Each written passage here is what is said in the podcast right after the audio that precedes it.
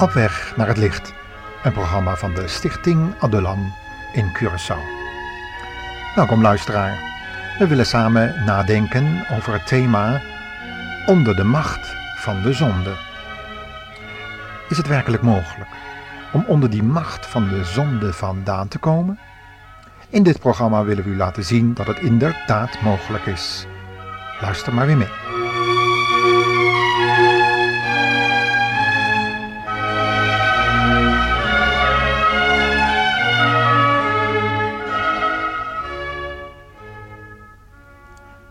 Kent u het verhaal van Kaïn en Abel? De meeste mensen herinneren zich dat het ging om het brengen van een offer. En dat God het offer van Abel accepteerde en dat van Kaïn niet. Kaïn werd daardoor jaloers op zijn broer en sloeg hem dood. Tot zover weten we het allemaal nog wel, dat verhaal van de zonderschool. Maar wat betekent dat verhaal nu voor ons praktische leven anno 20ste eeuw? Wat hebben wij nu nog met die zonde van onze voorouders te maken? Over deze vraag gaat deze uitzending, die goed past binnen ons themaprogramma Op weg naar het licht. De macht van de zonde. Ha, hoe kom je daar onderuit?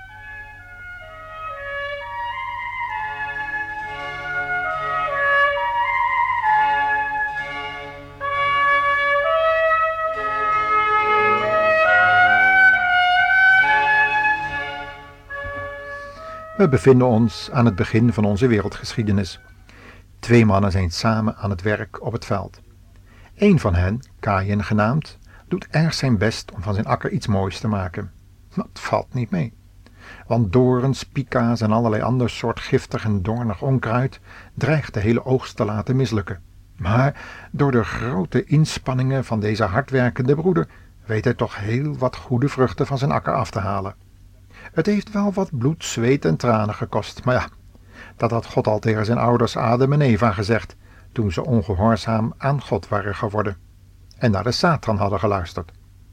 Het feit dat de aarde vervuld was met onkruid en agressieve dieren die je van je lijf moest houden, was immers het gevolg van de zonde die zijn ouders hadden gedaan.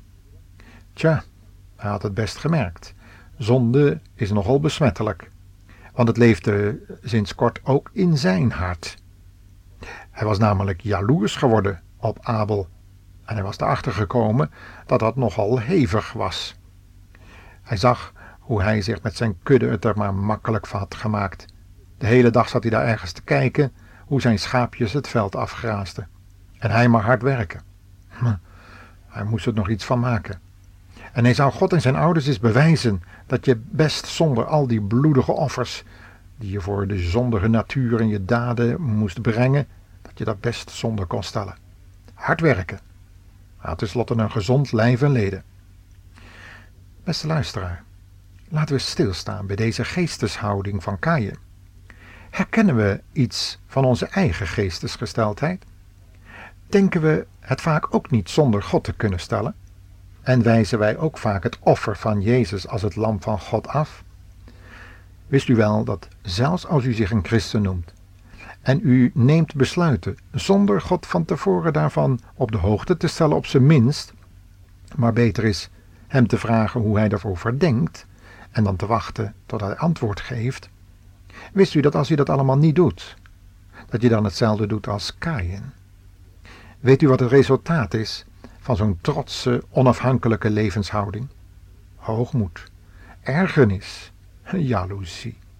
En tenslotte eindigt dat in broedermoord, wereldoorlog. De nakomelingen van Kaïn hebben het bewezen.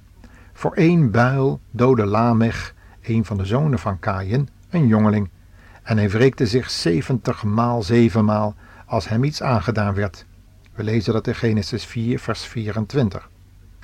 Even ertussendoor, velen vragen mij hoe het nou eigenlijk kan dat twee van die zoons, dat die zulke grote gezinnen konden krijgen, in ieder geval Kaïn en de andere broers die werden geboren. Heel eenvoudig, zoals we dat tegenwoordig niet meer kunnen, kon toen wel. Er staat namelijk dat Adam en Eva vele kinderen kregen. En als je dat om de negen maanden, of laten we zeggen om het jaar bekijkt, dan heb je over zo'n 30, 40 jaar heel wat mogelijkheden om om je heen te kijken en om een meisje uit te zoeken. Dat is dus niet zo moeilijk. Dat is pas sinds de wet van Mozes allemaal veranderd om inteelt, of beter gezegd incest, tegen te gaan. Dat is uh, nodig, nietwaar? Dat weten we allemaal. Maar dat was er tussendoor. Kain was dus jaloers op zijn broer Abel. Ja, wat moeten we daar nou eigenlijk van denken? Want Kain bracht zijn eerste offer. Maar de gezindheid waarmee hij dat doet, bepaalde of dat offer zou worden aangenomen of niet. Want het is de kern van ons verhaal.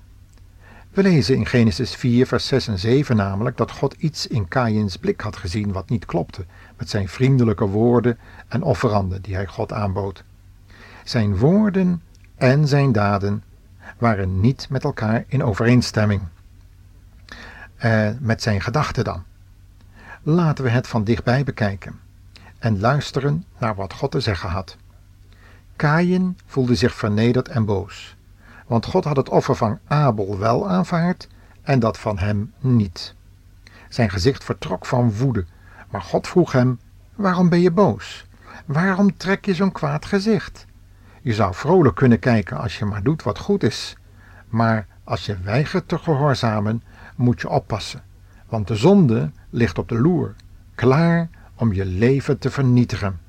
Als je wilt, kun je hem echter overwinnen. Dat is een belangrijk gegeven, beste luisteraar. Het gaat dus om de toestand van je hart. We zullen daar een lied over laten horen.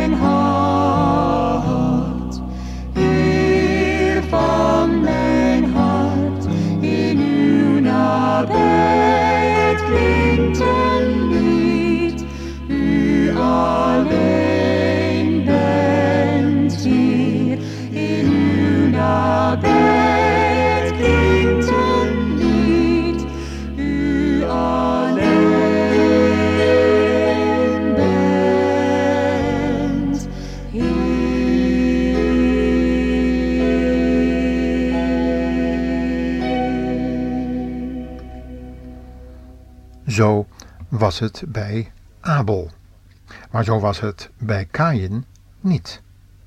God had gezegd: Je kunt de macht van de zonde in jou overwinnen wanneer je wel doet, wanneer je goed doet. Met andere woorden, wanneer je die opkomende jaloezie en die moordzucht wilt oordelen, aan het licht brengen. Tja, wat moet Kain nou hierop zeggen? De Schofield Bijbel geeft in een noot bij deze tekst een uitleg van het woordje zonde. Het woordje werd in het Hebreeuws gebruikt voor zowel de macht van de zonde als de macht van de vergeving. Middels het zoenoffer, dat God had gegeven aan Kaïn en Adam en Eva en Abel. Abel had immers ook die macht van de zonde in zijn leven. En daarom had hij juist gebruik gemaakt van de mogelijkheid om onder die macht van de zonde vandaan te komen, om die macht te breken, namelijk door God een zondoffer te geven. Dat betekende concreet dat hij gewoon erkende dat hij door de zonde zo krachteloos was geworden dat hij niet meer in staat was om voor God iets goeds in eigen kracht te kunnen doen. U kunt dat lezen in Romeinen 5 vers 6.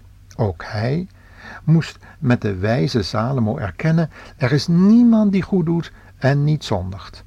En Paulus had ook al zoiets dergelijks ervaren in zijn leven toen hij uitriep in Romeinen 7, Ik ellendig mens, wie zal mij verlossen uit het lichaam van deze dood? En diezelfde Paulus schreef in Romeinen 3 vers 10 dat er niemand rechtvaardig is, niet één.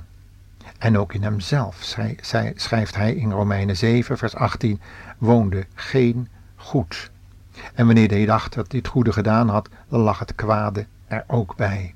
De zonde ligt dus inderdaad aan de deur. Hij riep dan ook wanhopig uit: Het goede wat ik wil, doe ik juist niet, maar het kwade dat ik niet wil doen, doe ik juist wel. Dit is een uitroep eh, die veel christenen die zitten te worstelen met de macht van de zonde in hun leven en die zo graag het goede willen doen in de naam van de Heer Jezus, ja, daar zitten ze mee. Deze uitroep herkennen ze. Zo hadden al deze mensen met Abel deze overeenstemming. Dat er voor die macht van de zonde die aan de deur van hun leven op de loer lag, klaar om in een moment van onwaakzaamheid toe te slaan, dat daar een zondoffer voor was. God zelf had dat offer aan de mensheid geschonken en ieder die er gebruik van maakte, mocht weten dat de macht van de zonde in hen hierdoor werd verbroken. Want God had immers tegen Kaïn gezegd: Als je wilt over die macht van de zonde heersen, welnu, dan kan dat. Door je helemaal aan God toe te wijden. En dat wat negatief is, dat wat zonde is, te oordelen en aan het licht te brengen. Maar zo je dat niet doet, dan zal de zonde jou overwinnen. Welnu, we kennen het resultaat. Kaïn sloeg zijn broeder dood. De meeste mensen kiezen helaas voor deze laatste levenswijze, zoals we dat tegenwoordig steeds vaker om ons heen zien. Ze gaan liever in eigen krachten onder dan gebruik te maken van de verzoenende kracht van het kruis van Golgotha. Alle wereldreligies gaan trouwens voorbij aan dat kruis. Ze kennen slechts de religie van Kaïn en zijn offeranden. Allemaal goede werken op een eigen gemaakt altaar.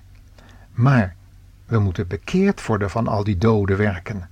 En we moeten een reiniging van een kwaad geweten ontvangen, schrijft Hebreeën 9. Kent u dat, beste luisteraar? God geven dat uw geweten gereinigd is door het bloed van Christus Jezus de Heer. En dat alleen reinigt van alle zonde. Heeft u uw knieën al gebogen? Dan zult u merken dat bij het aanroepen van de naam van de Heer Jezus de kracht van de zonde in u gebroken wordt, aan het licht gebracht en weggedaan. De Heer Jezus zegt als je je zonde beleidt, ik zal het wegdoen in een zee van vergetelheid en dan kunt u in vrede met uw naaste leven.